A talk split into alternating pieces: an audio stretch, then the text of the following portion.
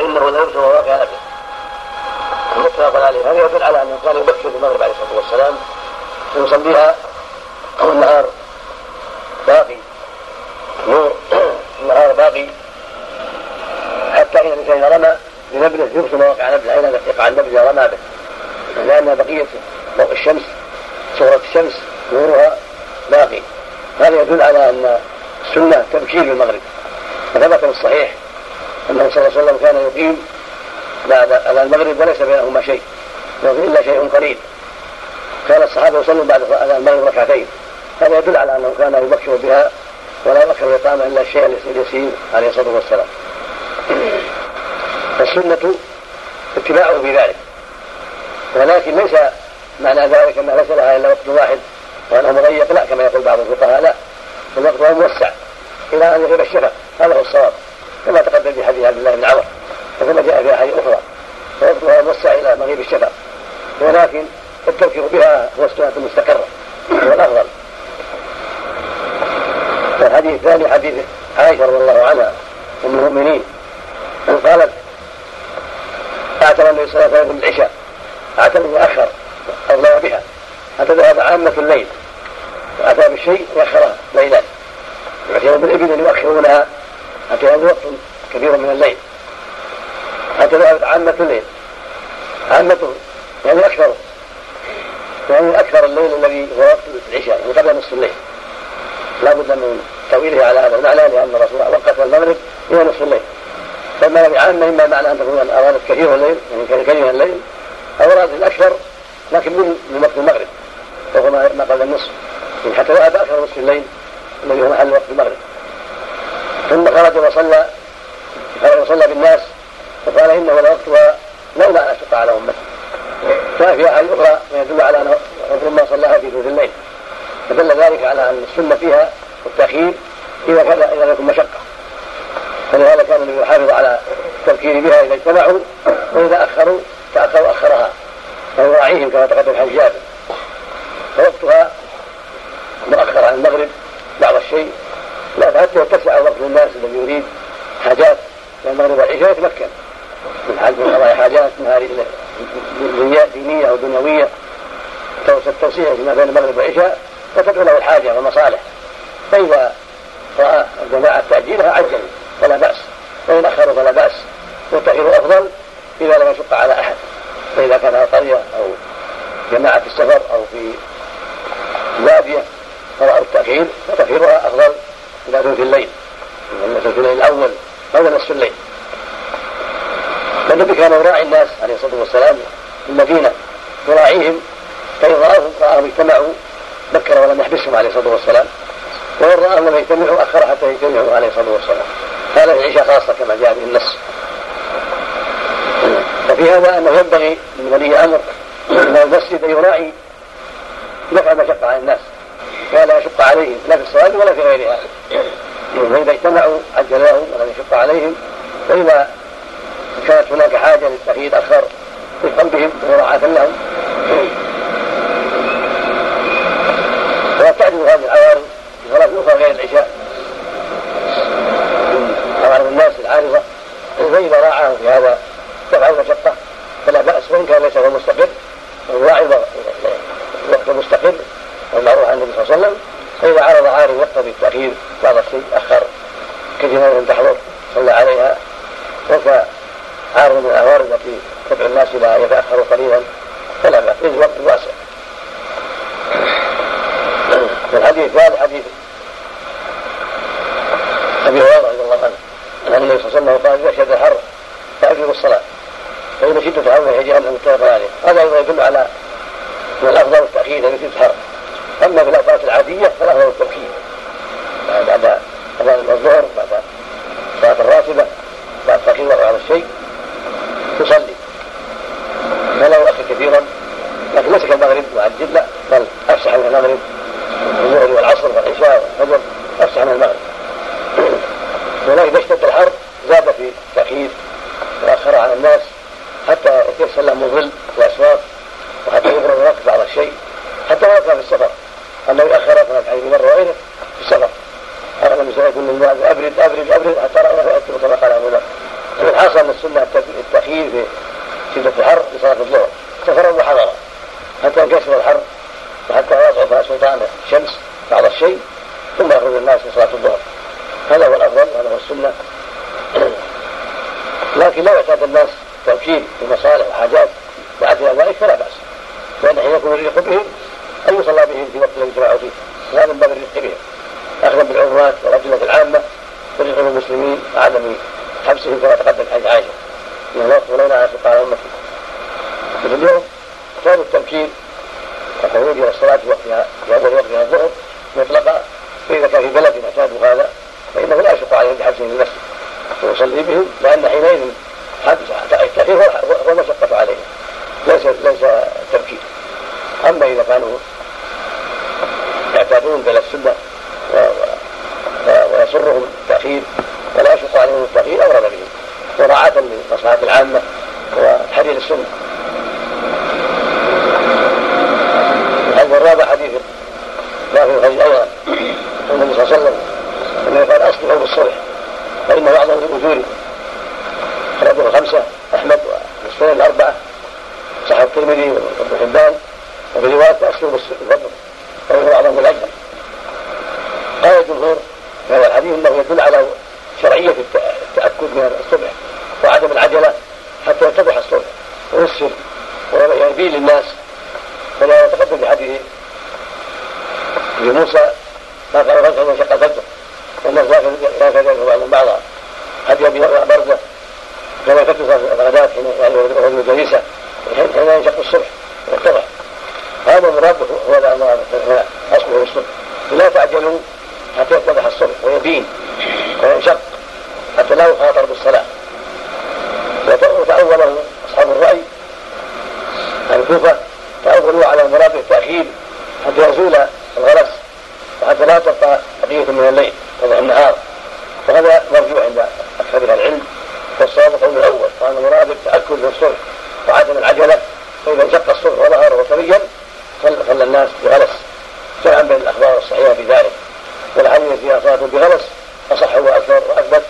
الصحيحين وغيرهما يصحب حديث رافع وأثبت منه. وإن كان حديث رافع لا بأس به. لكن تلك الأحاديث يصح منه وأثبت وأكثر فالواجب الجمع بينهما في هذا المعنى. وهو عدم العجلة.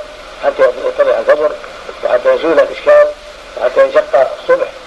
ويكون لا شبهة فيه ويدل على هذا أيضا أنه صلى الله عليه وسلم في مزدلفة لم يعجل لم يؤخر بل بادر في الفجر أن مسعود صلاها قبل ميقاتها. المسعود طلع الفجر.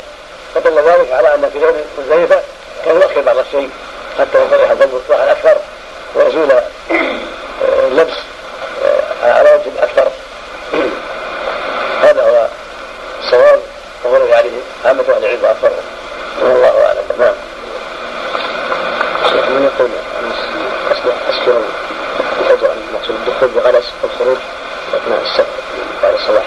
هذا ما ذكر ذلك بالأهمية لأن بين أولها وآخرها ما خفيف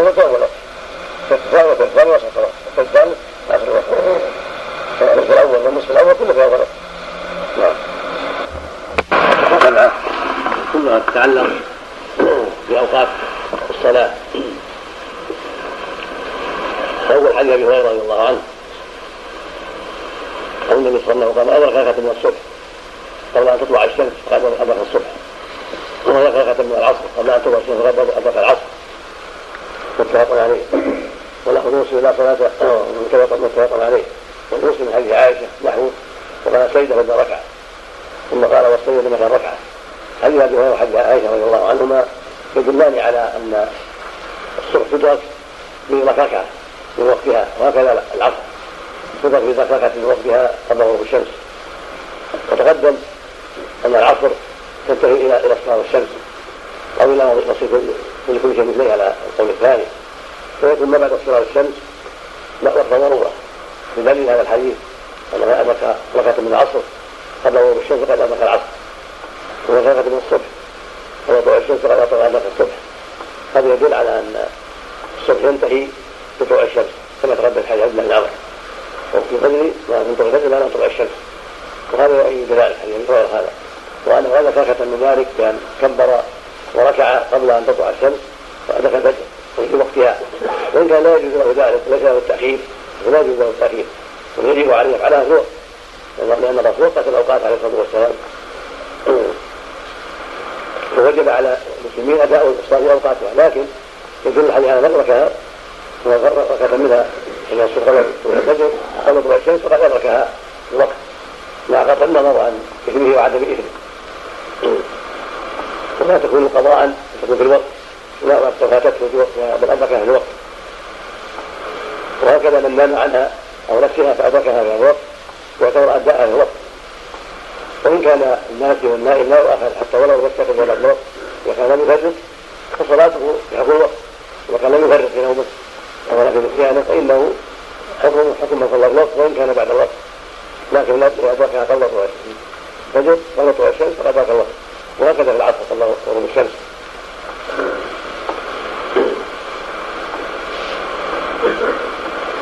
لو عائشة سجدة فهي ركعة قال والسجدة إنها ركعة تستعمل السجدة انها ركعة في أحاديث كما في حديث صحيحين.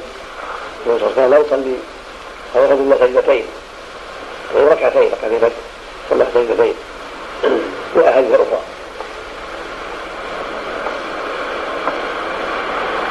وبرضه وحديث سعيد الحديث الثالث حديث سعيد الخدري رضي الله تعالى عنهما.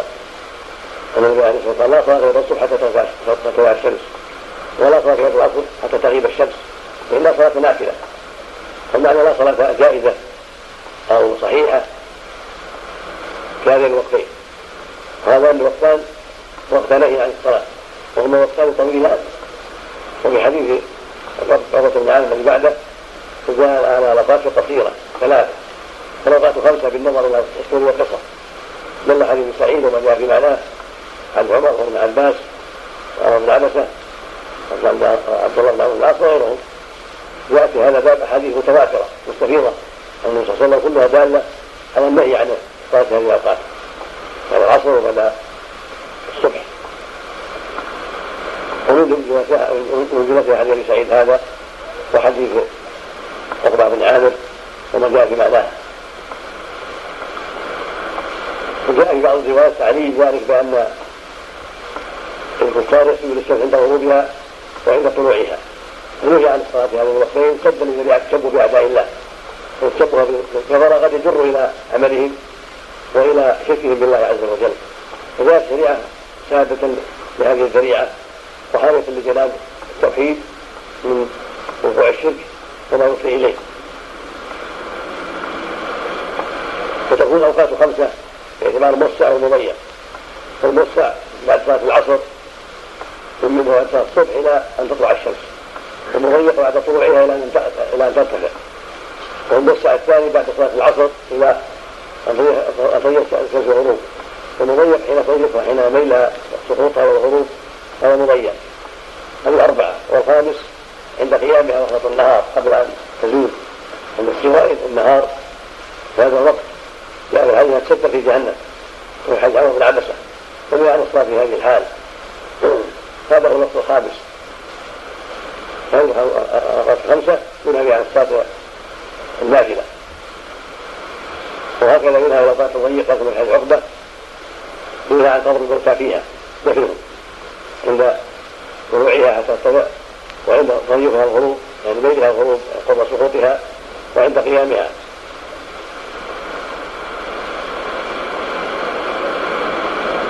إلا يوم الجمعة بحديث أبي هريرة من كان في شأنه ضعف المؤلف وبحديث أبي قتادة من حديث الجميع الأنصاري وإن كان شيخ ضعف من رواية بين أبي سليم ومضاعف لهم حديثان ضعيفان من أبي هريرة وأبي قتادة استثنى يوم الجمعة. لكن ذكر العلماء أن هذا هو الصواب. لا للحديثين الضعيفين هذين ولكن لما جاء في الأحاديث الصحيحة. من قول من أمر من أمر النبي صلى الله عليه وسلم. بل من أخبار النبي صلى الله عليه وسلم أن من تقدم إلى الجمعة فإنه يصلي ما قدر له ولم يستثني وقتا دون وقت ومن عمل الصحابة كانوا يصلون وكانوا يصلي إلى يخرج الإمام. ودل على أن وقت الجمعة يوم الجمعة يوم ليس فيه وقت نهي بالنسبة إلى وسط النهار. بدليل أن الرسول صلى الله عليه وسلم حين رغب الناس بالتبكير والصلاة يوم الجمعة لم يستثني وقتا من أوقاتها بل حثهم على تقدم الجمعة ويصلي ما قدر له يصلي حتى يخرج الإمام بعض الصحابة كذلك. هذا يدل على أنه ليس في وقت نهي وإذا قال حتى تقف الشمس ولم يقل حتى يخرج الإمام.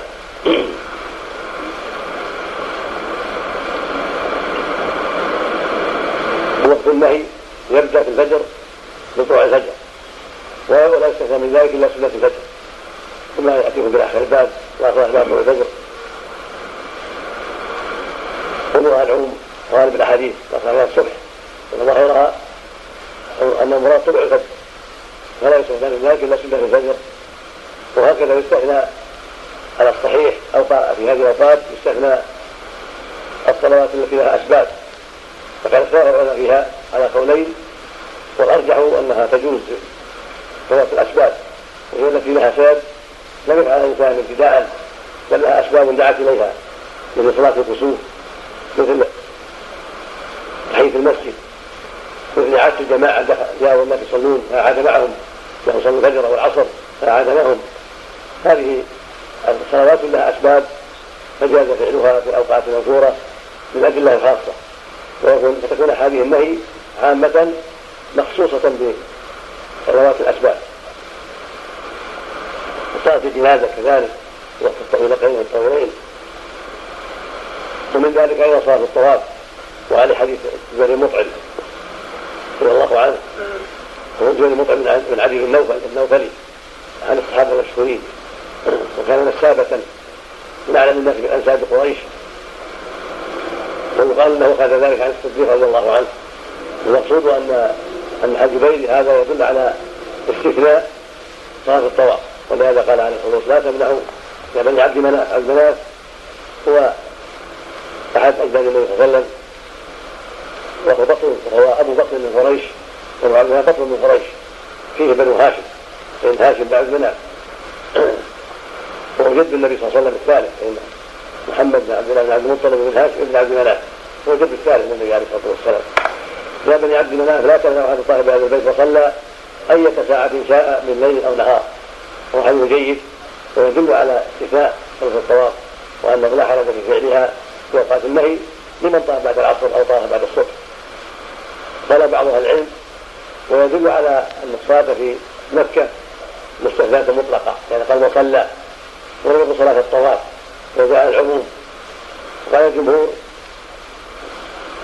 الأولى تقديم هذه النهي. ويقول أن تكون هذه الصلاة الطواف فقط. الصلاة التي تتعلق بالطواف. لا والصلاة مطلقة. وهذا قول الأكثرين. المراد الصلاة التي هي سنة الطواف فقط. هو القول بأنها بأنه عام له وجاهة وله قوة وقول الشافعي رحمه الله وجماعة. ولكن الاحتياط ترك ذلك إلا بصلاة الطواف فقط. لأن هذه النهي عامة وصحيحة وصريحة وعظيمة ومتواترة.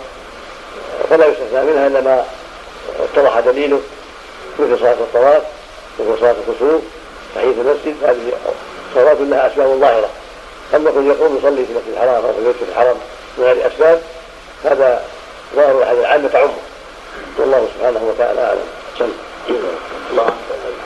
الطيبة هل فيها ذوات الأسباب؟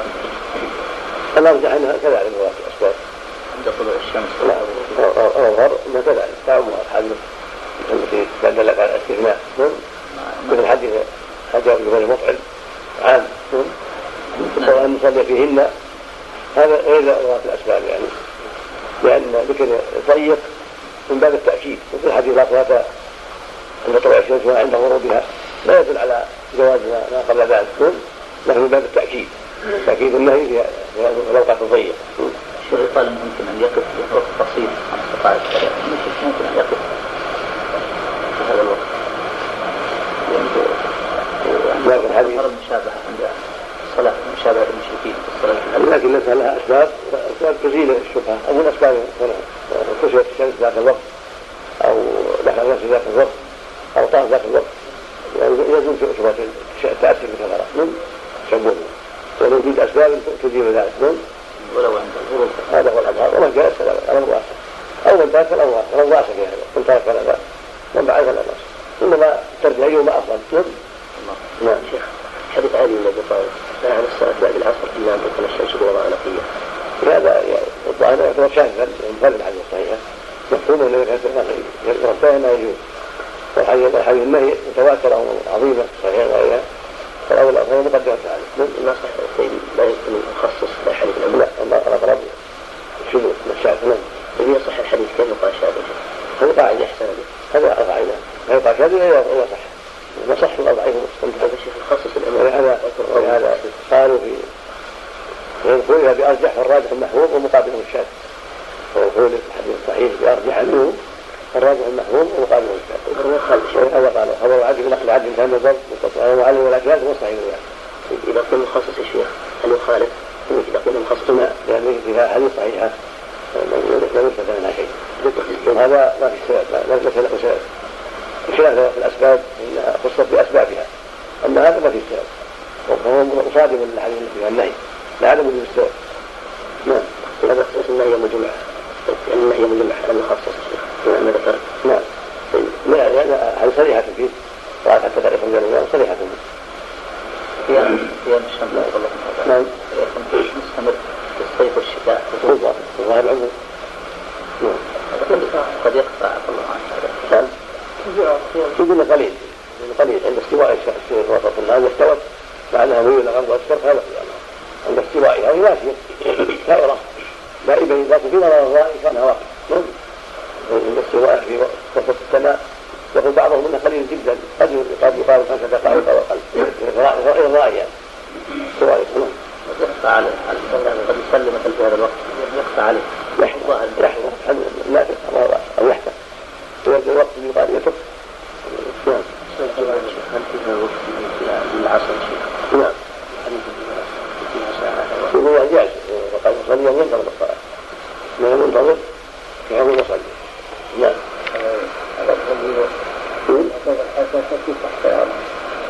هذه صحيح يغير تجهدها الله الله هذا كثير سبحانه وتعالى نعم.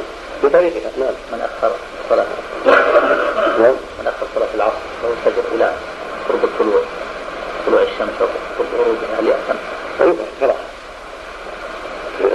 لكن إذا اخر حتى تطلع الشمس يأثم أو اخر حتى تصفر الشمس يأثم لكن إذا أخرها في آخر الوقت يكون فعل مصلحه الأفضل تقديمها في أول وقت نعم المعتاد يعني.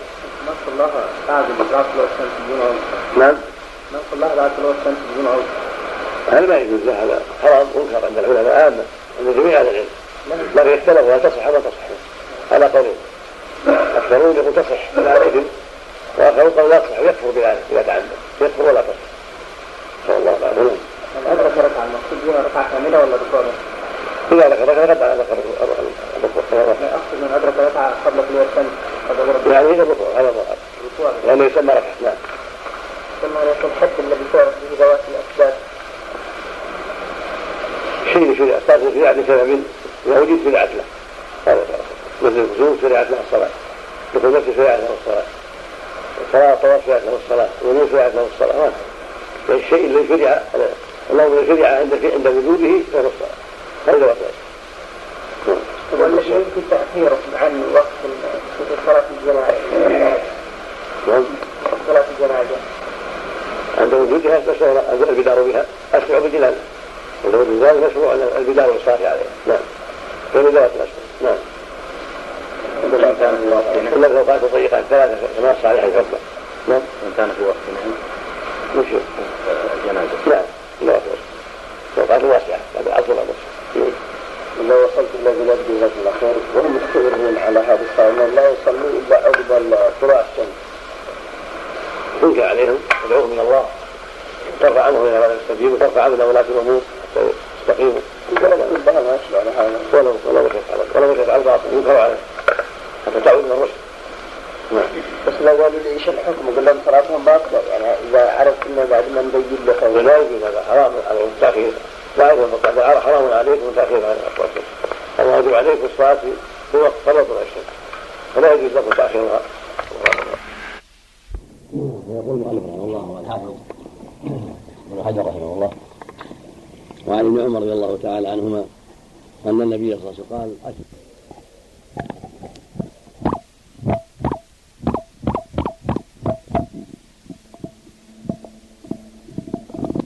وعن وجاء موقوفا. رواه النبي صلى الله عليه وسلم أنه قال اشفق الحمرة كما رواه الدار قطني وصحابه خزيمه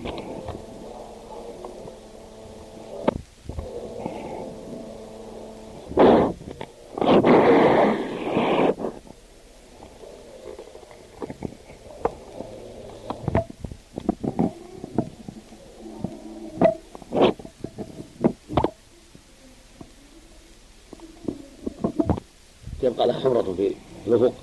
فإذا زالت هذه الحمرة دخل وقت العشاء وخرج وقت المغرب. وهكذا قال أئمة اللغة. من الشفق هو الحمرة أن تكون في الغروب في المغرب حين الغروب إلى مجيء وقت العشاء. قال لها شفق قال لها شفق. فإذا ذهب الشفق دخل وقت العشاء. وما دام الشفق موجودا فإن وقت المغرب موجود. وهذا دليل على ما قاله الجمهور بأن وقت المغرب يمتد. إلى آخر إلى ذهاب الشفق. هو متسع وليس بضيق ولكن الأفضل أن تصلى في أول وقت كما حافظ على ذات النبي صلى الله عليه وسلم. هذا هو الأفضل أن تؤدى في أول وقتها كأسر من النبي عليه الصلاة والسلام وإلا فوقتها يمتد إلى غروب الشفق. وحديث ابن عبد الله بن عمرو تقدم في أول المواقيت رواه مسلم الصحيح. النبي عليه الصلاة والسلام قال وقت المغرب ما لم يغرب الشفق. والحديث الثاني حديث ابن عباس وعبد الله بن عباس ابن عبد المطلب ابن عم النبي عليه الصلاة والسلام رضي الله تعالى عنهما ان النبي عليه السلام قال الفجر فجران. فجر يحرم فيه الطعام وتحل فيه الصلاة ورجل فجر تحرم فيه الصلاة صلاة الصبح ويحل فيه الطعام خرجه ابن خزيمة والحاكم وصححاه. وللحاكم عن جابر نحوه وزاد في الذي يحرم الطعام قال إنه يذهب مستطيع الأفق. وفي الآخر إنه كان بالسرحان هذا الحديث ابن عباس وما جاء في معناه حديث جابر جاء في معناه عدة أحاديث تدل على أن فجر فجران فجر صادق وكاذب. فجر صادق وهو الذي يحرم الطعام على الصائم وتحل فيه الصلاة صلاة الفجر. هذا يقال له الصادق. وهو يستطيع في الأفق باللام. وجاء يستطيع بالراء يعني ينتشر ويمتد في رواية أن النبي صلى الله عليه وسلم أشار إلى يديه. قال هكذا يمينا وشمالا يعني ينتشر ويستطيل. ويعترض في الأفق هذا هو الصادق ويزداد نوره. يزداد نوره ولا يزال يزداد إلى أن تطلع الشمس. هذا هو الصادق الذي يحرم الطعام على الصائم وتحل فيه الصلاة. وهو الذي أراد النبي صلى الله عليه وسلم حين قال إن النبي يؤذن وكل موسى حتى ينادي ابن مكتوم. قال الراوي عائشة غيرها وكان ما لا ينادي حتى يقال أصبحت أصبحت. يعني حتى يطلع الصبح الصادق. أما الفجر الآخر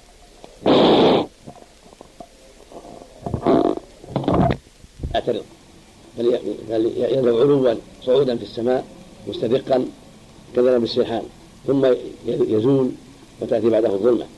هذا هو الفجر الكاذب ولا يعول عليه ولا يتعلق به تحريم الطعام. الصائم ان يأكل وليس له أن يصلي الفجر حتى تذهب يذهب هذا الكاذب ويأتي الفجر الصادق. الحديث الرابع حديث ابن مسعود رضي الله تعالى عنه النبي عليه السلام قال أفضل الأعمال الصلاة في أول وقتها وله الترمذي والحاكم وأصله في الصحيحين. أصله من حديث مسعود في الصحيحين. النبي عليه السلام قال الصلاة أفضل الأعمال الصلاة على وقتها. في أي العمل أفضل؟ قال الصلاة على على وقتها. قلت ثم أي قال بر الوالدين. قلت ثم قال الجهاد في سبيل الله. سأله مسعود عن هذا. هذا يدل على أن أفضل الأعمال أن تصلى الصلاة في وقتها. لأن الصلاة عمود الإسلام. وأفضل الأعمال أن تصلى هذه الصلاة في وقتها لا تقدم عنه ولا تؤخر عنه. وإذا كان في أوله فهو أفضل من باب البدار والمسارعة إلى ما شرع الله عز وجل وإلى أداء هذه الفريضة قبل العوارض فجاء بذلك هذا الحديث رواية ابن مسعود هنا من الترمذي والحاكم في أول وقتها. أما روايه الصلاه على وقتها فهي ظاهرة في الأولية ولكن ليست بصريحة. فان إذا صليت في وسطها أو في آخرة فقد صليت على وقتها. ولكن هذا اصلح في الدلالة على أفضلية الأولية وأن الأفضل أن تصلى في أول وقتها. فإن صلت في أثنائه أو في آخره فلا حرج. ولكن أفضله أول ولكن أوله أفضل. في للمبادرة والمسارعة إلى ما شرع الله عز وجل وللتأسي بالنبي صلى الله عليه وسلم.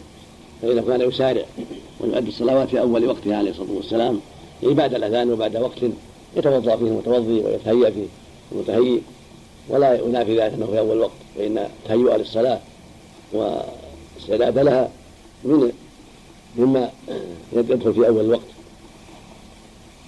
بل معنى أنه يصليها في أول وقت. في أو في الربع الأول من الوقت ولا يؤخر. هذا هو الأفضل. وكان صلى الله عليه وسلم يحافظ على هذا إلا في حالين. إحداهما في العشاء إذا تأخر الناس أخر حتى يجتمعوا. والثانيه في الظهر إذا اشتد الحر. كان يامر بالابراد بها. وما عدا ذلك كان يبكر يصليها في أول وقت. وكان في المغرب أكثر تبكيرا.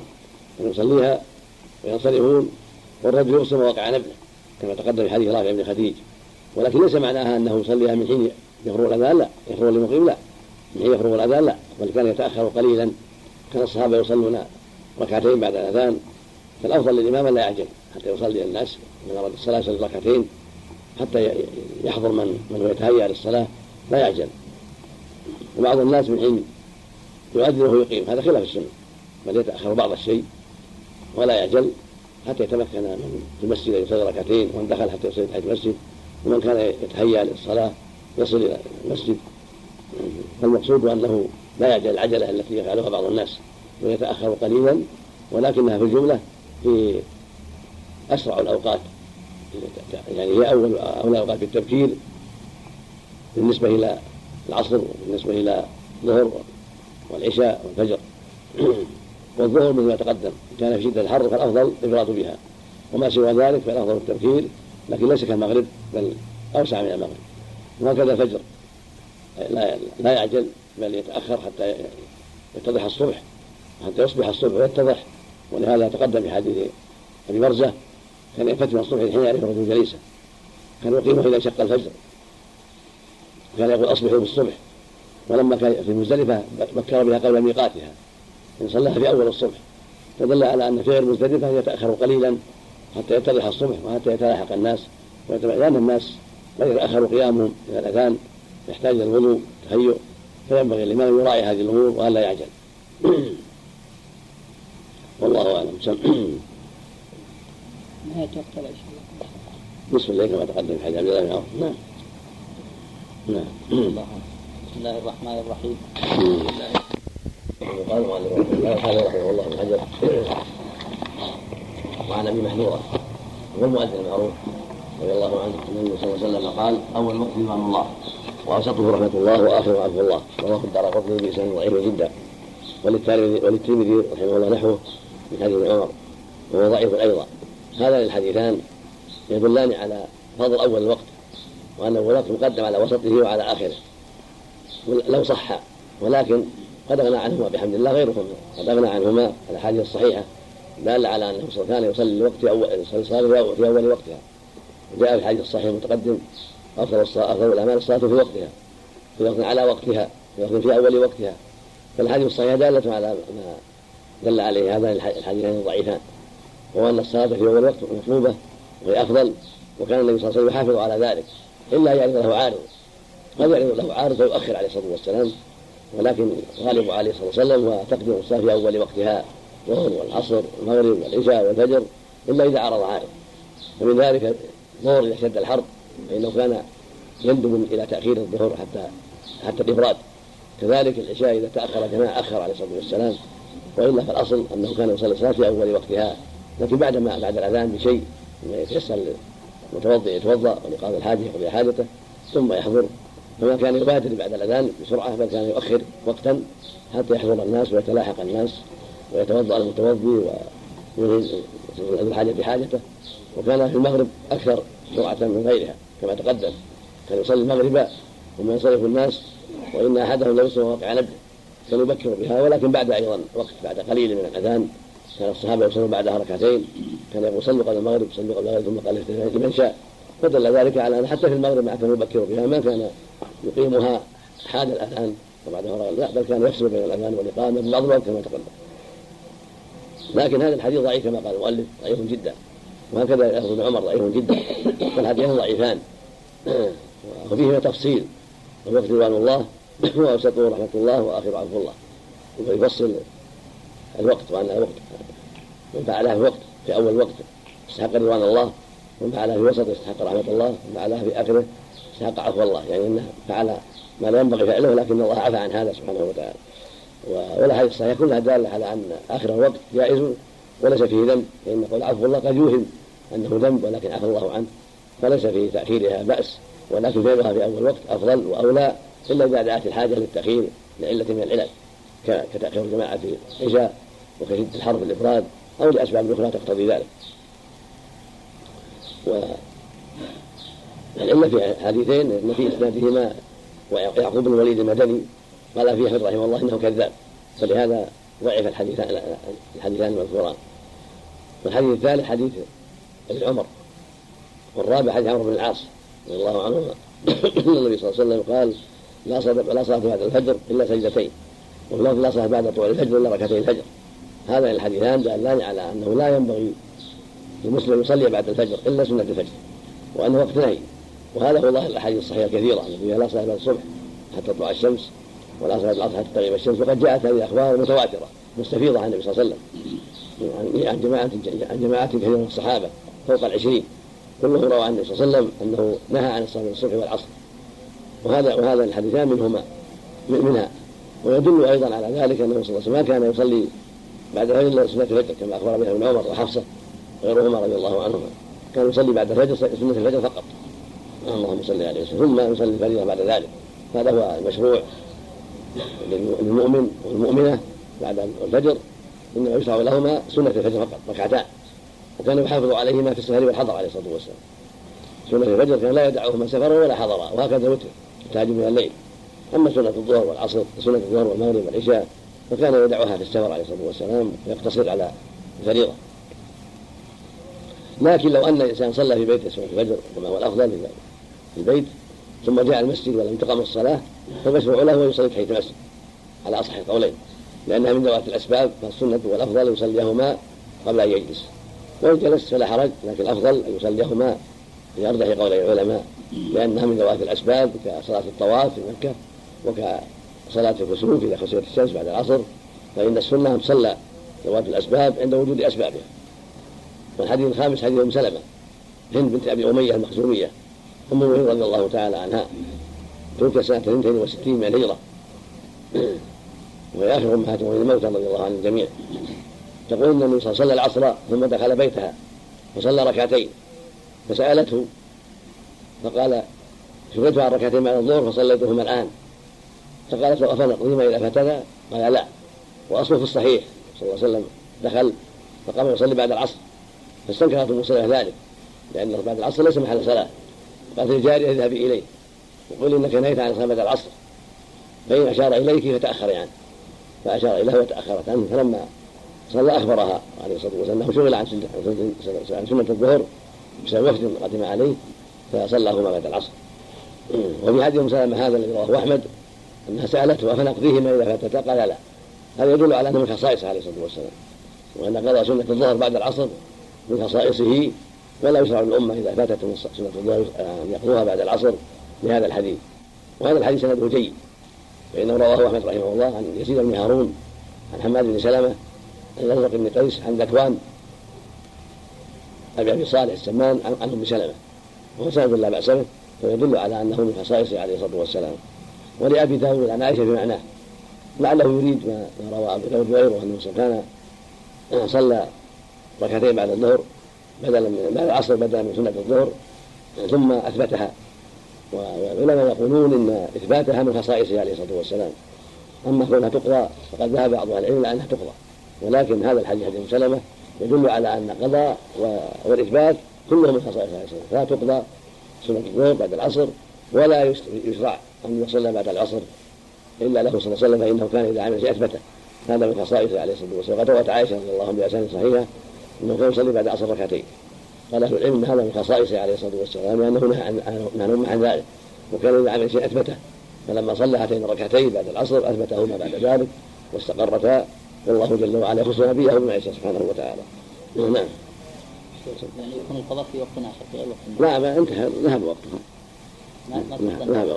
ظهر الحديث ظهر السنة لا تقضى بخلاف سنه الفجر فانها تقضى بعد طلوع الشمس وبعد وبعد الفجر أيضا اما بقيه السنة فلا تقضى ذهب وقتها ولو في وقت اخر في غير وقت النهي ظاهر النصوص لا تقضى نعم نعم إذا الجماعة هذا من تخفيف الله ورحمته سبحانه وتعالى إذا كان الجماعة في سفر والجمع لكن جاء المسجد هل نفس الجمع؟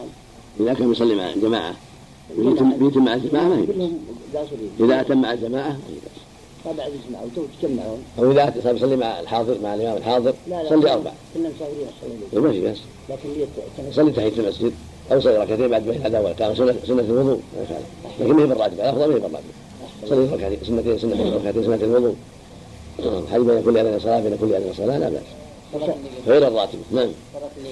نعم. إذا سنه كان النبي يتهجد بالليل عليه الصلاة والسلام. وهذه تبع الوتر؟ مقدمة الوتر. نعم. الوتر مع الإطباق نعم. الوتر مع الإطباق يقضى مشروعا.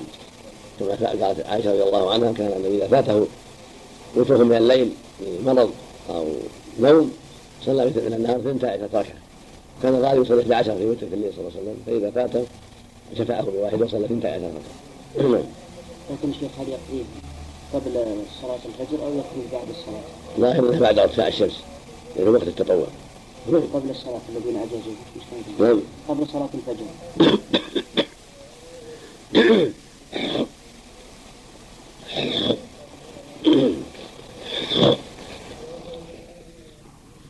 منع له حجه يكون حوله ولا به بدخول وقت الصلاة.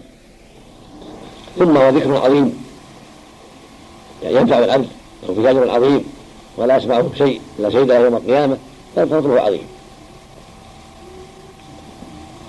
ومستحب لمن سمعه أن يجيبه ويقول مثل قوله ومن أسباب دخول الجنة الاجابه بصدق وإخلاص من أسباب دخول الجنة؟ كما يأتي إن شاء الله في أحاديث الإجابة. والإطعام كذلك فرض كفاية كما يأتي. عن عبد الله بن زيد بن عبد ربه الأنصاري خزرج بن محمد صحابي مشهور مشهور بأنه راوي الأذان. ولهم صحابي آخر يقال عبد الله بن زيد بن عاصم المازري راوي حديث الوضوء مشهور. قال بي وأنا نائم رجل. فقال إلى آخره أسباب هذا الحديث أنهم تذاكروا ما يعلم به وقت الصلاة. في هذا النبي صلى الله عليه وسلم لما هاجر المدينة فيتحينون وقت الصلاه ويحضرون في الوقت الذي يصلى فيه فتذاكروا يوما ماذا يفعلون حتى يعلم الوقت فقيل لو أوقيت نار حتى يعلم بها الوقت قالوا الصحابة من عمل المجوس فقيل يضرب ناقوس الأمر من عمل النصارى فقيل بوك مثل أعداء اليهود وصحوا فيه للناس حضور فقال هذا من عمل اليهود. ثم نام الرجل نام عبد الله بن زيد ومر به شخص وبه يده ناقوس. فقلت له أراتب عن الناقوس يا عبد الله؟ فقال ما تصنع به؟ قالوا نادي بالصلاة نادي بالصلاة. قال لا أدلك ما أعلمه خيرا من ذلك؟ تقول الله أكبر الله أكبر. ثم ذكر الأذان. ذكر الأذان مربعا. أربع تكبيرات في أوله الشهادتين مثنى والحياة مثنى التكبير في آخر مثنى ثم التوحيد واحدة. ثم أقام. ثم تنحى قليلا ثم قال تقول بعد ذلك الله أكبر ذكر الإقامة التكبير التكبير في أولها وفي آخرها وفيه قد قامت الصلاة قد قامت الصلاة. وهو قام فرادا يعني ما عدا التكبير فإن في رواية عبد الله بن زيد التثنية وهو فرد نسبي لأن الاثنين بالنسبة للأربعة كالفرد من واحد من الاثنين. فالتكبير فرد نسبي لأن التكبير والأذان أربع فيكون جعلها اثنتين فرضا نسبيا. ولهذا ذكر عبد الله بن زيد أنه كبر في أول الإقامة وفي آخرها مرتين فأخبر النبي ذلك لما أصبح أتى النبي أخبره بالواقع قال له الله عليه رؤيا حق. ثم أمر به أمره أن يلقيها على بلال وأمر بلال ينادي بها. وجاء في الصحيح أن عمر جاء بعد ذلك قال إنه رأى مثل ما رأى عبد الله بن زيد. رضي الله عن الجميع هذا يدل على شرعية هذا الأذان وأن أسباب الرؤيا الصالحة وأسباب أيضا نظرهم وتشاورهم فيما بما به الصلاة حتى هداهم الله وأرشدهم بهذه الرؤيا الصالحة التي أقرها النبي صلى الله عليه وسلم إلى الأذان وصار الأذان مشروعا بإقرار النبي له وأمره عليه الصلاة والسلام. وإن كانت الرؤيا سببا لكن إنما كان مشروعا وإنما استقر في الإسلام بسبب أمر النبي به وفعله له عليه الصلاة والسلام. وجاء في آخر قصة قول بلال خير من النوم. أحمد القصة بعد حديث عبد الله بن زيد. وذكر المؤلفون يوهم من حديث عبد الله بن زيد وليس كذلك وإنما ساقها بعد ذلك. أن بلال دخل بيت النبي صلى الله عليه وسلم يسأل عنه فقالوا إنه نائم على الأذان. فقال الصلاة خير من النوم. فقال النبي صلى الله عليه وسلم اجعلها في أذانك. لكن حديث سند ضعف وانقطاع. يعني من رواية عبد الرحمن بلال ولم يسمع من بلال. وجاءت ثابتة من حديث أبي محذورة. صلاة من النوم من حديث أنس بن خزيمة. وهو مشروعة في الأذان أذان الفجر. وهل تشرع في الأذان الأول الذي ينبه به الناس أو في الأذان الأخير الذي بعد طلوع الفجر؟ على قولين. ذكر ابن رسلان وجماعة أنها في الأول الذي نبه به الناس. أخذ من رواية في الأول الأذان الأول رواية أبي محذورة صواب أنها أنها في الأخير في الأذان الأخير لأنه هو الأذان الشرعي الواجب المعتمد لتعريف الفجر والدعاء إليها وإعلان بدخول وقتها. ولأنه الأذان المطلق. لأن الفجر المطلق هو أذان الفجر بعد طلوع الفجر. هذه كلمة تكون فيه لإعلام الناس أن الصلاة التي فرضها الله على عباده خير من نومهم في هذا الوقت. وأن الواجب عليهم الجزاء والمسارعة إليها بدلا من النوم. ويدل على هذا أمور. منها أنه لم يعرف أن ابن محمود كان يؤذن. أولا عندما كان في مكة يؤذن بفجر طلوع الفجر. كما علمه النبي صلى الله عليه وسلم إذا طلع الفجر يقول كذا وكذا. فعلمه النبي يقول هذا إذا طلع الفجر فسماه أولا لأنه بالنسبة إلى الإقامة أول والإقامة هي الأذان الثاني. فهو أول بالنسبة إلى الإقامة والإقامة هي الأذان الثاني كما في الحديث بين كل أذان صلاة بين كل أذان صلاة. ومنها ما جاء في الصحيح حديث عائشة أنه كان في الدعوة الأولى إذا إذا إذا سمع الدعوة الأولى صلى ركعتي الفجر ثم خرج. الدعوة الأولى هي الأذان الأول هي الأذان وهي الأذان الأول بالنسبة إلى الإقامة.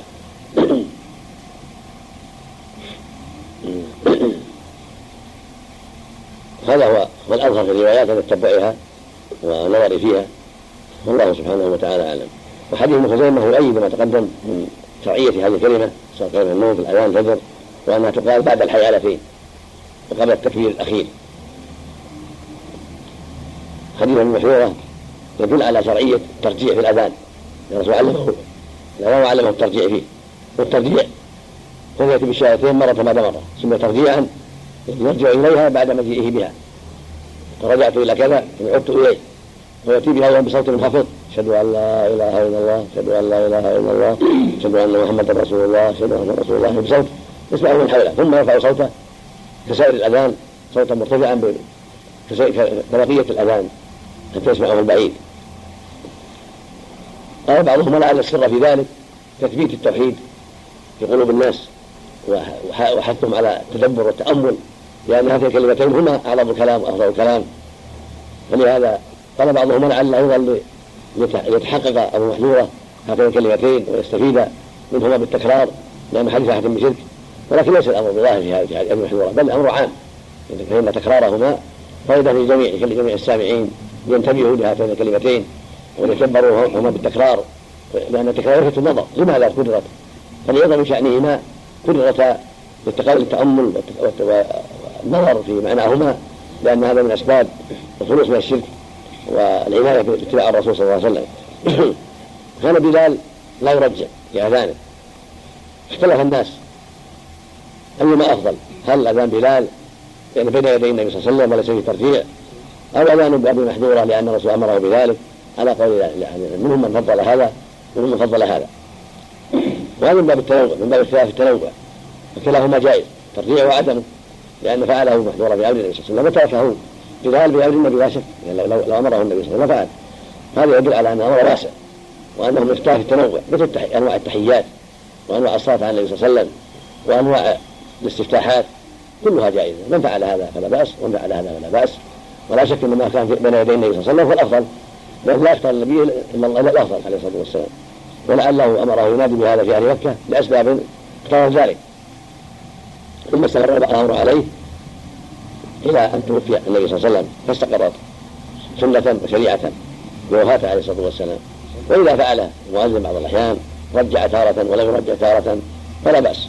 لإحياء السنة والإعلام بأن هذا جائز وهذا جائز. هذا هو أصح ما قيل في هذا وهو ما ذكر ابن القيم رحمه الله شيخ الإسلام ابن تيمية والمحققين إن هذا من باب التنوع فلا خلاف في الحقيقة ولا ينبغي إطالة الخلاف فيها ولا كثرة الكلام في هذا فالأمر فيه واسع فالتحيات جاءت على أنواع صلاة النبي جاءت على أنواع استفتاحات جاءت على أنواع هكذا الأذان على أنواع منه الترجيع فلا بأس بهذا وهذا كله سنة نعم. الحديث وفي هذه هذه محذورة ذكر في رواية مسلم التكبير أول مرتين. الله أكبر الله أكبر. ولكن رواه أحمد والأربعة بتربيع التكبير وهذا هو المحفوظ من حديث عبد الله بن زيد ومن أذان بلال كان يربع في أول الأذان. ورواه مسلم في بعض النسخ مربعا كما قال صاحب المنتقى وذكره القاضي عياض وفي إحدى رواية مسلم تربيع التكبير في حديث أبي محذورة. قال حسن عبد البر رحمه الله إن التربيع ثابت من طريق الثقات من حديث عبد الله بن زيد بن عبد ربه الأنصاري ومن حديث أبي محذورة. فلا إشكال في ذلك. ولأنها زيادة من الثقات فتقبل. الحديث الرابع حديث أنس رضي الله عنه وأنس بن مالك الأنصاري خادم النبي صلى الله عليه وسلم نعم. تقدم لك كلام فراد ويأتي كلام عليه. وعن رضي الله عنه قال أمر بلال أن يشفع الأذان ويترى الإقامة هذا هو السنة. من أمر يعني أمره النبي صلى الله عليه وسلم. لأن الآمر هو النبي صلى الله عليه وسلم. قال أمرنا أو نهينا أو أمر فلان في عهد النبي صلى الله عليه وسلم أو قاله الصحابة. يعني أمر النبي صلى الله عليه وسلم. عند عند أهل الأصول. وذكر المؤلف في رواية النسائي لتأكيد هذا المعنى. النسائي أمر النبي بذلك. لتأكيد أن الأمر هو النبي صلى الله عليه وسلم. يشفع الأذان يعني يأتي بشفعا ثنتين ثنتين. وفي أول أربع أربع تكبيرات فإنها شفع أيضا والوتر الإقامة يفردها واحدة واحدة. إلا الإقامة إلا قد قامت الصلاة فإنه يكررها مرتين. وإلا التكبير كما سمعت حديث عبد الله بن زيد يكرر التكبير؟ فهو الإقامة مرتين هذا هو المحمود هذا هو الأفضل. إفراد الإقامة الله أكبر الله أكبر أشهد أن لا إله إلا الله أشهد أن محمدا رسول الله حي على الصلاة حي على الفلاح قد قامت الصلاة قامت الصلاة الله أكبر الله أكبر لا إله إلا الله. فالإفراد في الشهادتين وفي الحيالة أما التكبير فيثنى كما في رواية عبد الله بن زيد وهو إنكار نسبي بالنسبة إلى تكبير أربع. وقال بعضهم بل بل يخرج التكبير أيضا أخذ من حديث أنس. ولكن حديث أنس مجمل محتمل فيفسره حديث عبد الله بن زيد وما جاء في معناه وهو تثنية التكبير في أوله وفي آخره أول إقامة وفي آخرها. وجاء في حديث محذورة بعد المحذورة ما يدل على أن الإقامة كالأذان وأنها يقام كالأذان مع زيادة قد قامت الصلاة. وهذا قاله جماعة من العلم قالوا إنه يشفع الإقامة كما يشفع الأذان. فإن صحت الروايات في حديث أبي محذورة في شفع الإقامة فهو من باب التنوع. وذهب جمع من العلم لم تصح من أحد بن حجرة يعني تربيع الإقامة في أولها كالأذان فإن صح تربيع الإقامة فهو من باب التنوع كما تقدم. وإن لم يصح فالمكان ما في حديث حديث أنس من إيثارها. وإيثارها يكون بالتكبير أولها مرتين فقط. ويكون التكبير أربعة مختصا بالأذان فقط. فلا بد أن يراجع تراجع الروايات إن شاء الله ويخبركم بغير هذا الليسة نراجع روايات من محمولة في الكتب التي خرجتها لمعرفة هل في الروايات السندية أنه ربع فإن ثبت أنه ربع في الإقامة في أولها فهذا من باب التنوع. نعم. وأما كثير في فيها فقد جاء في حديث مرفوع نعم فهو من باب التنوع نعم. ترجع في الشهادتين يا شيخ. نعم. ترجع في الشهادتين بس. بس الشهادتين فقط أما بقية الأعمال ما في ترجع. نعم. صفة. نعم. صفة. الله أشهد أن لا إله إلا الله أشهد أن لا إله إلا الله أشهد أن رسول الله أشهد أن رسول الله ستعود وتعالى ثم يعود يأتي بها وستعود لكن إن قال مثلا الشهادة مرتفعة ثم رجع ثم لا السنة أول يبدأ بالخفض ثم رفع هكذا جاءت السنة نعم. ترجيع خطأ الصوت لا ترجع له رجع رده رده رده نعم. الله طبعا هنا يقول إثارة الإقامة توتر الإقامة أفرادها فرد فرد هذا الصحيح الثابت هذا أثبت ما جاء. إيثارها يعني إفرادها يعني. مثل ما قال عز وجل والإقامة فرادا إلا التكبير فإنه يثنى وإلا قد قامت الصلاة فإنها تسنى. قد قامت الصلاة قد قامت الصلاة. نعم. استمر على الأذان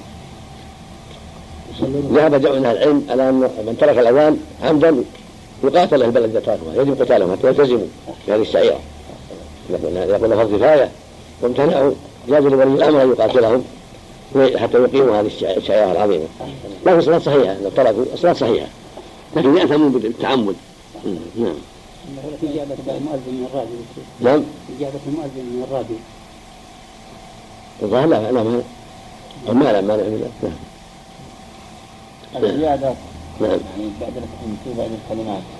التمرير والتمثيل هذه. نعم. وردت فيها يعني نفس إيش؟ تم- تمرير يعني في لا ما ينبغي الأذان. هي ما التلحين هذا ما هو طيب. التلحين ما هو طيب مكروه على أقل شيء كراهته ينبغي يكون سمحا اللي قال سمحه يعربها ويعطيها بعض الشيء يخص الأذان حتى يبلغ الناس. لكن كونه مثل يغني يطول هذا ما ينبغي هذا. أقل أحوال الكراهة شديد. طيب يعني ما ينبغي يعني لمن له أمر أن يمنع هذه ما له اذا وجد يبقى في الحرمين ويمنع لهم ثم إذا غفروا عنهم بعض المؤذنين يطول. وبعض الناس في اي مسجد كان إذا غفل عنه. يطول. ينبغي للإمام يلاحظهم الإمام والاعيان يلاحظون المؤذن حتى يمنع من هذه الأشياء الزائدة. شيخ الذي تفوته الصلاة المشروع في حقه إعادة ال- الأذان مع الإقامة والإكتفاء بالإقامة فقط. والظاهر تكفي الإقامة. ظاهر تكفي الإقامة. لأن الأذان قد يريد الصلاة وعلم الناس تكفي الإقامة. نعم. نعم هل في دليل ترجيع؟ نعم. في دليل على الكراهة؟ كراهة إيش؟ التلحين بالأذان؟ لأنه ما في التلاعب. في التلاعب. في التغني في الغنى. ما له- داعي. والواجب أن تتابع الألفاظ على الوجه العربي الذي كان يأتي بها المؤذنون في علمه وبعده مثلا أشهد أن لا ثم صو- نفس زاد نفس آخر ما له حاجة تكلف ما له حاجة الشريعة جاءت على التكلف التسبيح وروى عن عمر بن عبد العزيز قال انه قال أنتم اول اذان سبحان الله اعتزلنا نعم نعم التسبيح نعم التسبيح ما الاذان تسبيح ما مو بدعه ما دام بالتسبيح لا ما ينادى بالتسبيح ينادى بالاذان لكن اذا جاء وقت الاذان يجيب المؤذن لا يسبح فانه يجيب المؤذن ثم يسبح ويصلي بعد العشاء لكن اول يجيب المؤذن يسمع المؤذن يجيبه كما أمر النبي صلى الله عليه وسلم. ثم بعد ذلك يتفرغ للتسبيح وغيره. عبادات يقصد يا شيخ في بعض البلدان بدل ما يأذن الأذان الأول ما نعرف يسبح. علمت أن ان الأذان؟ هو هو ما يسبح بدل الأذان. بدعة. تسبيح بدل الأذان بدعة. نعم شيخ حديث ترجيع إذا أربع تولت الغيلان فبادر بالاذان كيف صيغة الأذان؟ نعم. إذا تولت الغيلان فبادر بالاذان كيف صيغه الأذان؟ الإنسان يرفع صوته بالأمان حتى يحجبهم يهربوا لأن الإذان إذا الشيطان سمع الإذان أدبر وله ضراب كما في الحديث الصحيح الصحيح إذا انتهت انتهى الأذان رجع إذا سمع الإقام أدبر. ونقول من هذا. نفس صيغة الأذان هذا لا لا لا لا ما هو الله؟ لا الله أكبر الله ترجيع. ترجيع أربعا؟ ترجيع أربعا سرا في الشهادتين. إيه. أو يسر في الشهادة الأولى مرتين ثم يرفع صوته. لا يتهاون كده جميع سر. خلطا أربعا ثم يعودها كلها رفعا. مم. ستة ثمانية. ست ثمان أربعا سرا أربعا متواضعا سر وأربعا ست تسعة عشر. نعم. وضح حديث قول الرسول صلى الله عليه وسلم بالليل إذا اذا يكفر من نوم في أذان إيه سبب رد الحديث؟ نعم. سبب رد الحديث أو علة هذا الحديث؟ الانقطاع. مشهور إن عبد الرحمن عبد الرحمن بن أبي هريرة ما أدرك ابو هلال ولا سمع منه ولا لقيه نعم. في أخرى ضعف بعض الرواة. من جهة من جهة بلال يعني. لكن ثابت من جهة من جهة المحذورة من جهة أنس. نعم. نعم. طيب يا شيخ. نعم. إذا كنت في مسجد ملزوم في الأذان وفاتك الأذان بعدين تصلي المسجد تقيم الإقامة اللي في الصلاة. إيه. نعم. تقيم ما يجري شيء يقيم. السنة أنه يقيم. ولا صلى بالإقامة صحت الشيء يحتج المصلين يقولوا لي ما اذنت ليه كذا لا لا أذن أذن المسجد قبلها ما أذن المسجد أذن حصل الأذان نعم إذا أذن المساجد الأخرى وتأخر مثلا المؤذن هل يؤذن ولو بعد مثلا مضي نصف ساعة على الأذان؟ محمد وأقرب عندي والله أعلم ما يؤذن. المؤذنين كفوا لأن أذانهم متأخر قد يوهم الناس يعني يحصل به لبس على الناس.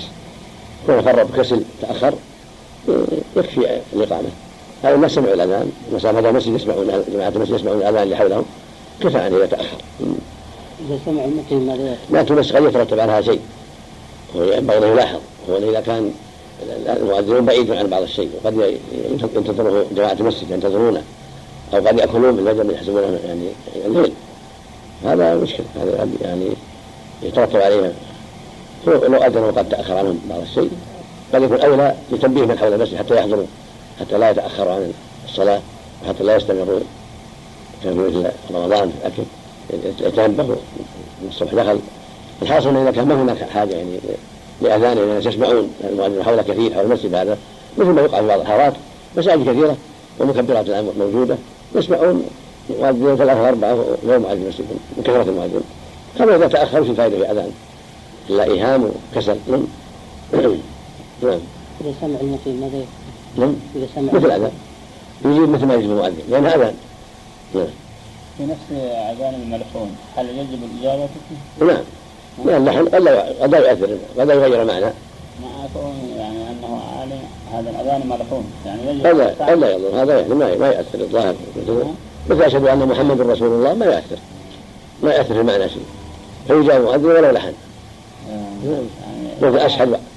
إذا ما أصب المعنى يجب ما الإجابة يضر ما يضر. نعم نعم أبي حيفا.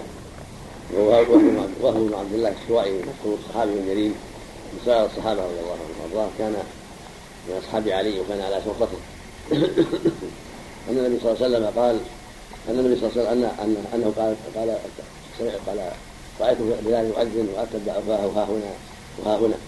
وأصبعاه في أذنيه أخرجه من الترمذي وصححه في ولي ماجه وجعل أصبعيه في أذنيه. ولأبي ذر يلوع عنقه لما بلغ حي على الصلاة. حي على الفلاح ولم يستجب. واصله الصحيحين. اصل هذا الحديث الصحيحين. من حديث أبي جحيفة. أنه رأى بلال يؤذن. وجعل يتبع فاه ها هنا وها هنا. يقول يمينا وشمالا حي على الصلاة حي على الفلاح. هكذا روى الشيخان عن أبي جحيفة. وفي هذه الروايات زيادة اصبعات أذنيه. كان يجعل اصبعات أذنيه.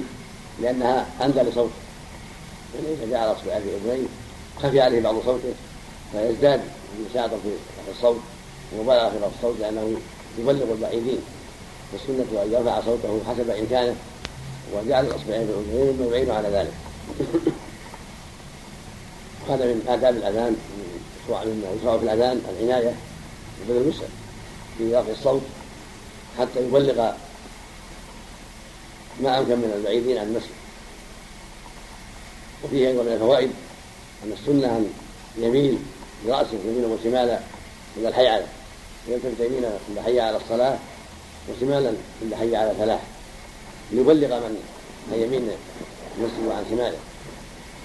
وليعرف من يراه من بعيد ومن هو لا يسمع انه أنه مؤذن. لأن فاته يمينا وشمالا واقف على محل مرتفع. يشعر به يعني يشعر من رآه من بعد ولا يسمع الصوت أنه يؤذن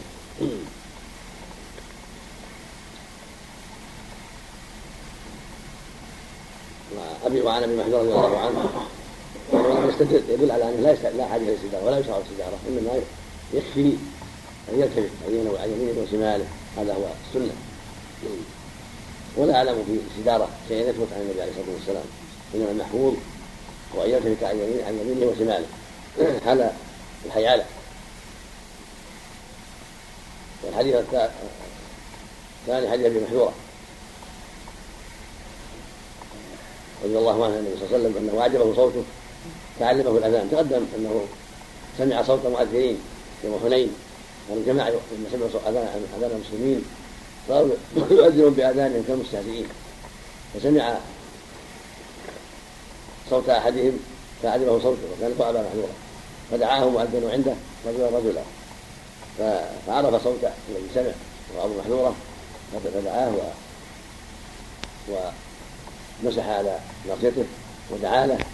ووقع في قلبه الإسلام وأسلم. وأمره النبي صلى الله عليه وسلم أن يؤذن في أهل مكة. وعلمه التربيه كما تقدم. والحاصل الحاصل من هذا الدلالة على أن ينبغي التماس حسن الصوت في الأذان. مهما أمكن أن يكون المؤذن حسن الصوت فإنه أبلغ به دعوة الناس إلى الصلاة وإصغائهم بصوته إذا سمعوه حسن الصوت يدعو إلى الإصغاء وإلى الإجابة وإلى التاثر بالأذان وإلى حضور السامع إلى المسجد. خلاف الصوت الذي بخلاف ذلك فإنه قد ينفر من سماعه وقد ينفر من إجابته وقد ينفر من الاصغاء إليه. بعض اصوات المؤذنين ليست بذلك فينبغي للمسؤولين عن الاذان أن يختاروا مهما امكن مهما تيسر أن يختاروا من هو أندى صوتا ومن هو أحسن صوتا حتى يكون ذلك أقرب إلى الإصغاء إليه والاستماع له واجابته والتأثر به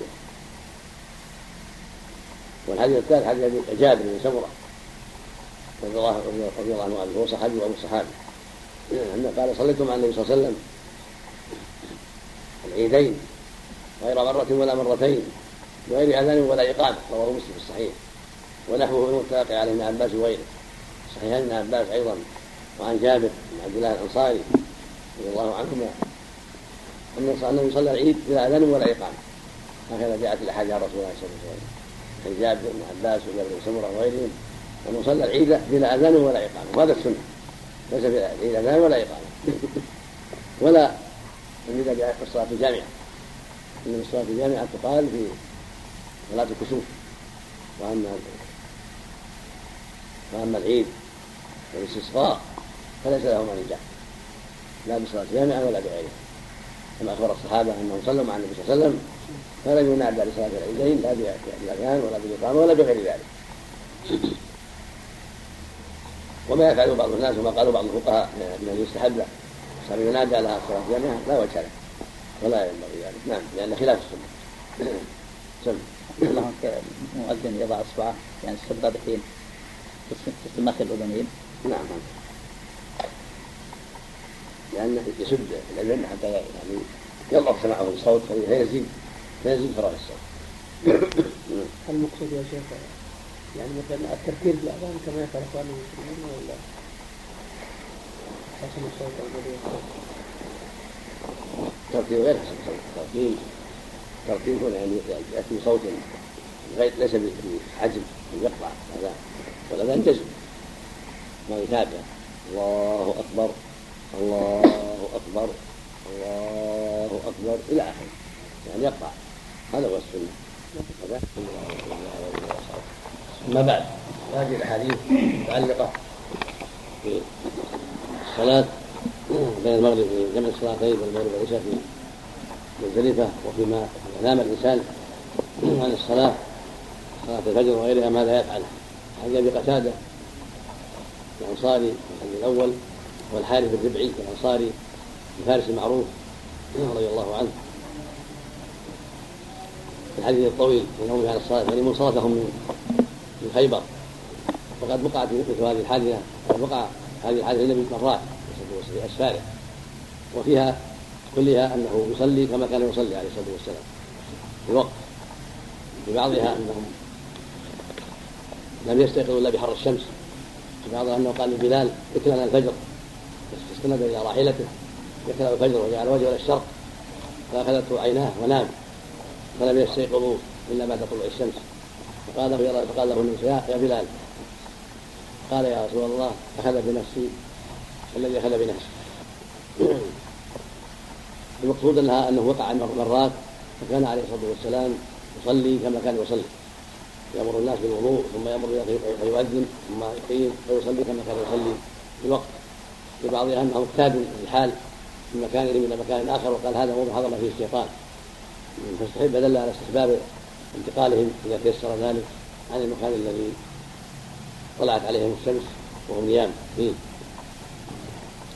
ويدل الحديث على أن من نام عن الصلاة وحكم ذلك وحكم وحكم من نسيها أيضا فإنه يصليها كما كان يصليها في الوقت. يصليها بأذانها وإقامتها وراتبتها كما فعل النبي صلى الله عليه وسلم. أنه صلىها بأذان وإقامة وصلى سنة الفجر ثم صلى الفجر عليه الصلاة والسلام.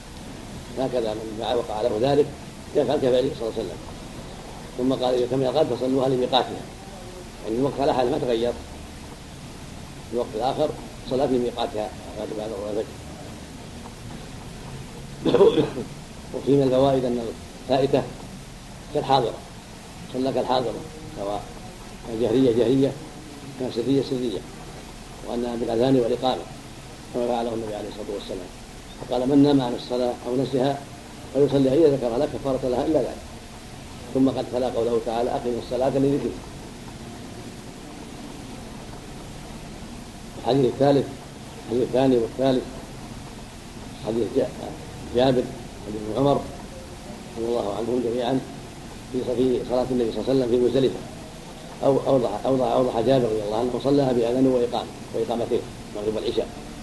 وجابر من أحفظ الناس بأعمال حج النبي صلى الله عليه وسلم فإنه اعتنى بحج النبي صلى الله عليه وسلم من أولها إلى آخره من إحرامه من الحليفة إلى رجوعه إلى المدينة.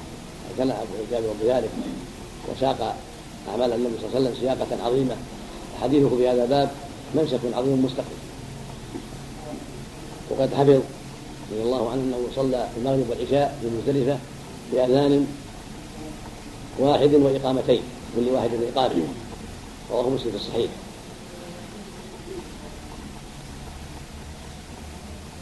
أما أسامة وابن عمر فلم يذكرا الأذان.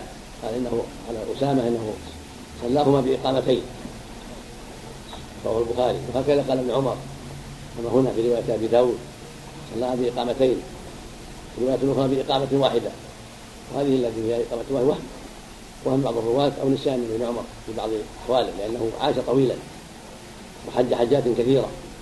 ولم يتوفى إلا بعد حج عام 73 في آخر السنة أو في أول المحرم في سنة 74 بعد مقتل ابن الزبير.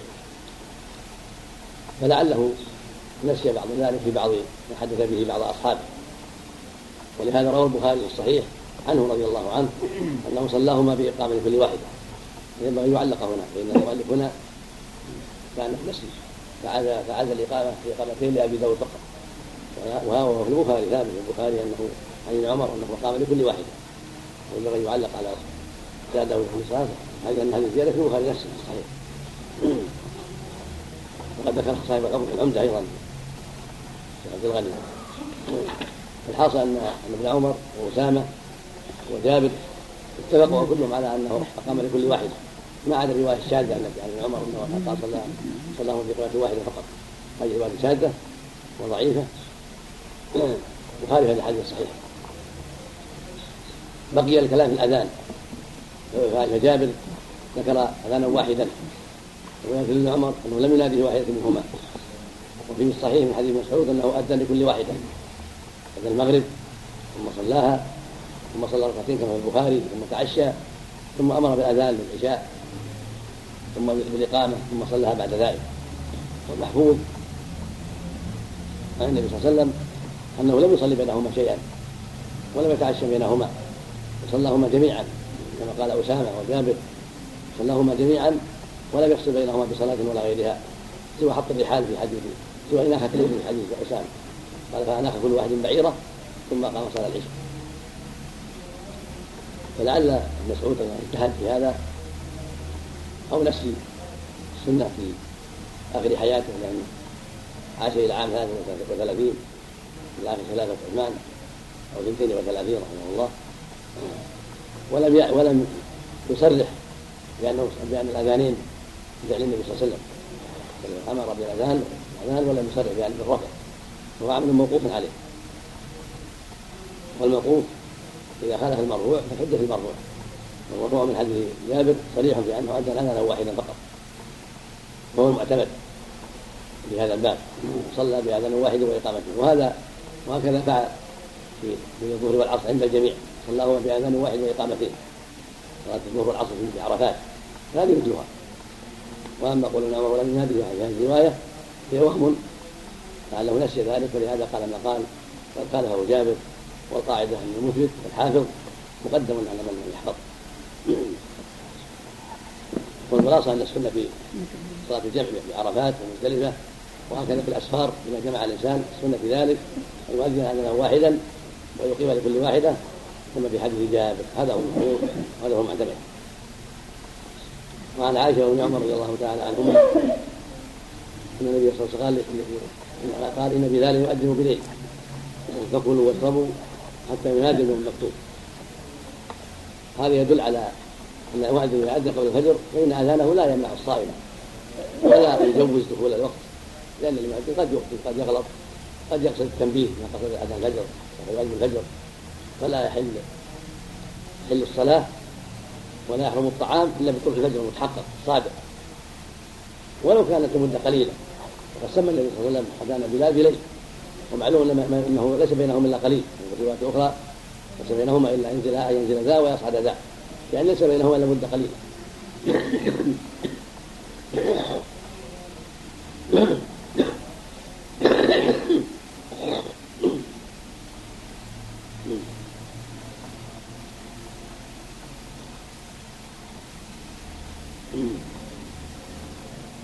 وفي جواز اتخاذ المؤذنين وأنه لا بأس يؤذن هذا قبل الفجر للتنبيه حتى يعلم الناس أن الفجر قريب كما في رواية الصحيحين حديث ابن مسعود يؤذن بليل ليوقظ نائمكم ويرجع قائمكم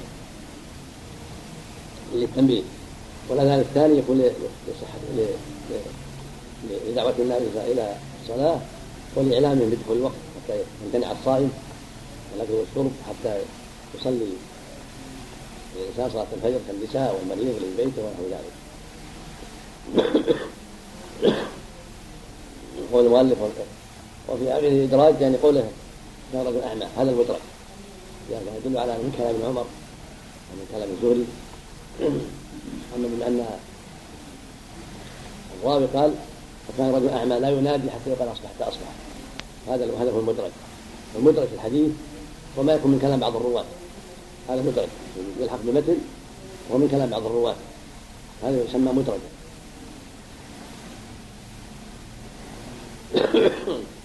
بيت البيت رحمه الله والمدرجات في الحديث ما أتت هذه ألفاظ الرواة اتصلت فالمدرج هو هذا الذي يسوقه الراوي تابعا لكلام النبي صلى الله عليه وسلم فيتوهم بعض الناس إنه من كلامه. من هذا ما في حديث ابن عمر. هذا نهى الرسول عن الصغار. قال والصغار يزوج رجل ابنته ولا يزوجه ولا ابنته وليس بينهما صداق.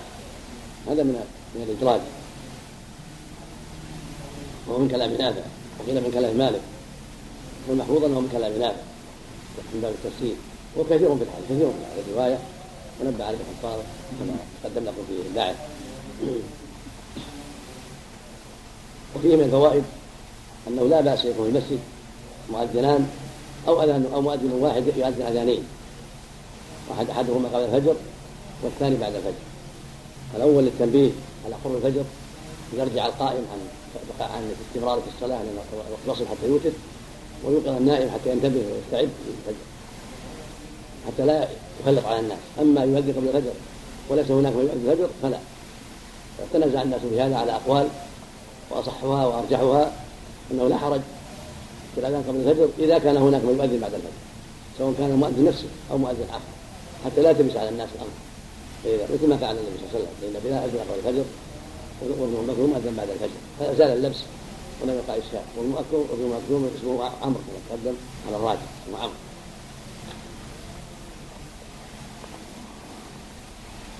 والأفضل كما يدل عليه هذا هذا الخبر أن يكون الأذان الأول ليس بالبعيد من اذان الفجر. حتى إذا قام الإنسان لا ينام مرة ثانية ينشط ويستعد فإن إذا كان مبكرا قد يضعف الناس على القيام فلا تحصل به فائدة إذا قريب وسمعه الناس قاموا واستعدوا للفجر وكان ذلك مما يعينهم على القيام.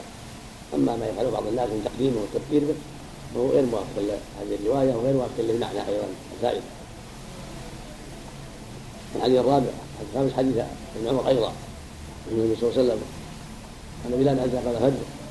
فأمره أن يرجع فينادي على أن عبد نعم هذا الحديث ضعفه أبو داود وغيره. قالوا إنه شاذ. مخالف الحديث الصحيح أن بلال أذن بليل هو وهم من حماد بن سلمة بن سلمة رحمه الله وهم في هذه الرواية. ولهذا ضعفه الأئمة. ولعله دخل عليه من حديث عمر أو موقوفا وذكر أبو داود. هذا وقعت لعمر قال له فلان يقال مسروح مسروح فأذن قبل الفجر. غلط. فأمر عمر ينادي حتى ينتبه الناس أن الأذان الأول لم يقع في الوقت في الوقت بعد ذلك. حتى يعيد من صلى بأذانه وينتبه فلعله دخل عليه هذا في هذا. رحمه الله.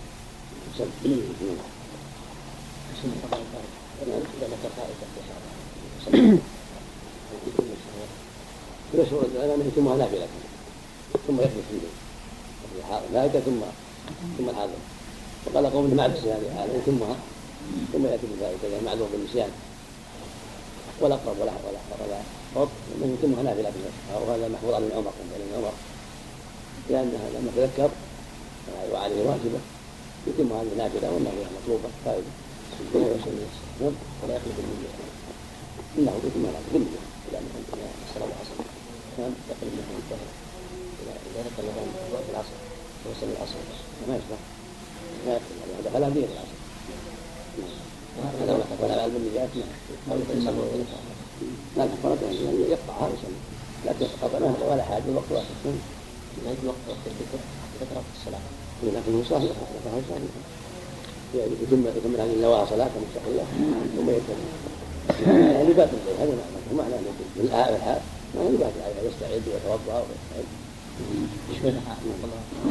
إذا ذكر الفائدة وهو في الصلاة. يتمها على ثم هو في على أنها فريضة. مثل ما تقدم فأظهر أنه يتمها نافلة استيعابا نعم. لأنه واجب عليه الترتيب وقد ذكر قبل أن ينهي عن الصلاة مثل من صلى من وجد الماء وهو الصلاة التيمم ذكر العلماء أن أرجح يقطعها ويتيمم. لأنه وجد الشرط قبل أن ينهي المشروع. نعم. وفي أثناء شيخ كلمة الصلاة خير من عليه فلم تجد أنا وجدت. نعم. نعم.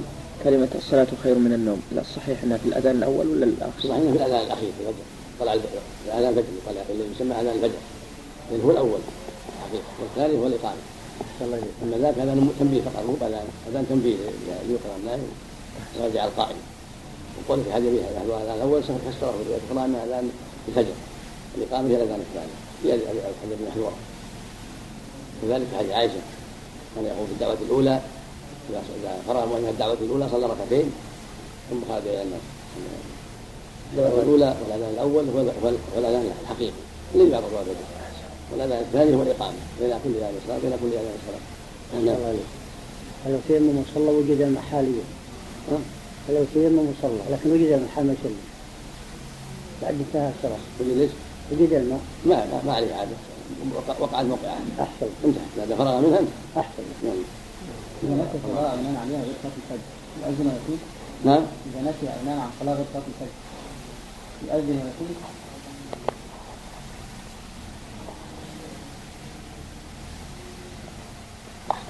ظاهر النبي صلى الله عليه وسلم في صلاة لما نام عن الصلاة هو هذا. نعم.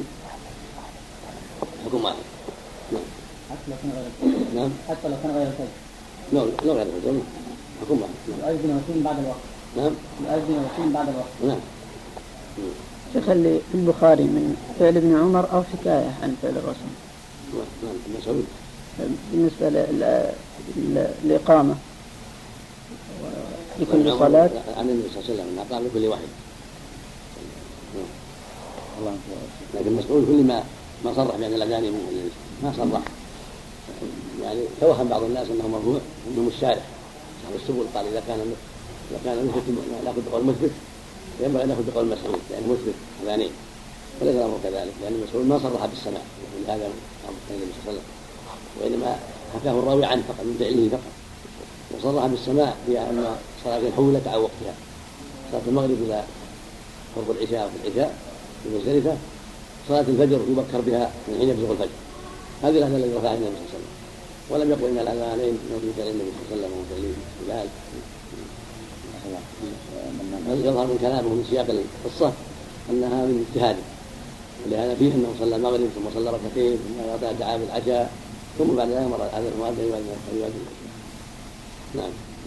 نعم صلاة الفجر والمستقبل بعد أن طلعت الشمس. الفجر ولا نعم نعم. الله مثل ما فعل النبي صلى الله عليه وسلم. كان يستيقظ في وقت مضيق مثلا قبل مهما كان. إذا استيقظ يأتي السنة يصلي سنه الفجر ثم يصلي لأن وقته وقت وقت استيقاظ. وقته وقت استيقاظ. نعم. نعم. قول الفقهاء. يجوز للمؤذن يؤذن الفجر قبل دخول الوقت. هذا ليس على الاطلاق الصواب العلماء قال لهم ثلاث أقوال. قول يجوز قبل الفجر مطلق والثاني لا يجوز مطلقا. والثالث التفصيل.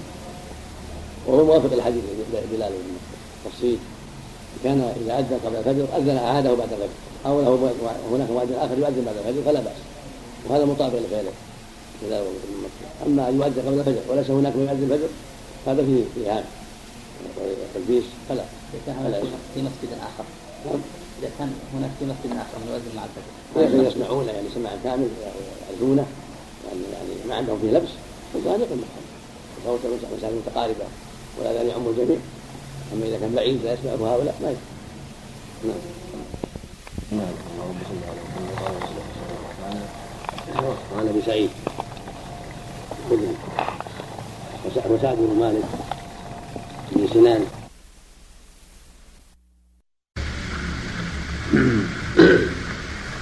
وله القوي الأعلى وسبح ربك الأعلى إشارة ما تقدم من علو الله ورقيته والأدلة في هذا كثيره جدا لا تحصى في أحاديث والآيات. وعلم الله رقية رد على الجهمية والمعتزله ومن قال في قولهم وانه في كل مكان تعالى الله قول العلو الكبير وفيه شرعية الدعاء.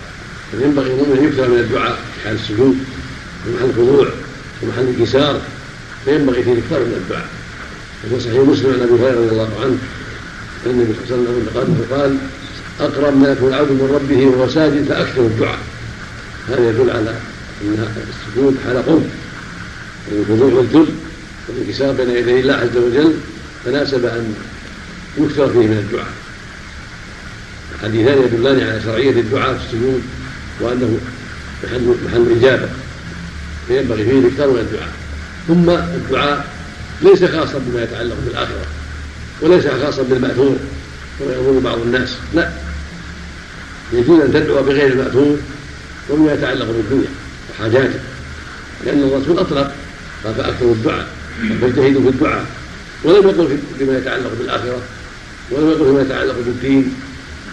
بل أطلق فدل ذلك على أنه يدعى في الفريضة وفي النافلة في الدعوات التي يحتاجها الإنسان. سواء تتعلق بالآخرة اللهم اغفر لي وارحمني وادخلني الجنة أو تعلق بالدنيا كاللهم ارزقني رزقا حلالا اللهم ارزقني دارا حسنه أو دارا واسعه وزوجة صالحة والزوجة الصالحة فيها مصالح الدنيا والآخرة. وما أشبه ذلك. اللهم ذرية طيبة وما أشبه ذلك. الحاصل أنه لا بأس بالدعوات المتعلقة بالآخرة والمتعلقة بالدنيا. اللهم فرج كربتي اللهم اقض ديني اللهم يسر لي كذا وكذا من حاجاته العاجلة. وما أشبه ذلك. إن كان في السجن اللهم يسر خروجي من السجن. كان مهددا بشيء يسأل ربه العافية من هذا الشيء. وأن الله يكفي شر الظالمين من غير ذلك. ومن وما جاء في هذا المعنى هو أصرح بالدلاله على أنه لا مانع من الدعاء الدعاء في كل شيء مما أباح الله. قوله في رواية مسعود في الصحيحين لما علمه النبي صلى الله عليه وسلم التشهد قال ثم يتخير من الدعاء أعجبه إليه فيدعو. هذا صريح لأنه يتخير. وفي اللفظ الآخر ثم يختر من المسألة ما شاء. هذان اللفظان صريحان في أن المؤمن يتخير وينظر لمصالحه. وهو ما من جنس هذا الحديث من جنس رواية ابن عباس ومن جنس رواية أبي هريرة إلا انهما إلا أن روايه مسعود اصرح في المعنى وأعم. لأن قال ثم نتخير من الدعاء أعجب ثم يختم مسألة ما شاء. فإذا دعا لنفسه ولوالديه ولولاة الأمور بالصلاح والهداية كل هذا من الدعوات الطيبة. أو دعا لنفسه بأن الله يفرج كربته ويقضي دينه ويرزقه زوجة صالحة وذرية طيبة ورزقا حلالا وما أشبه ذلك. كله كلام طيب كله دعاء حسن. وما أشبه ذلك. ومما يدل على العموم قول صلى الله عليه وسلم من عبد يدعو الله بدعوة. ليس فيها إثم. ولا قطعت رحم إلا أعطاه الله أعطاه الله بها الحديث. فلم يستدل بدعوة خاصة. ولم يقل في الصلاة أو في غيرها.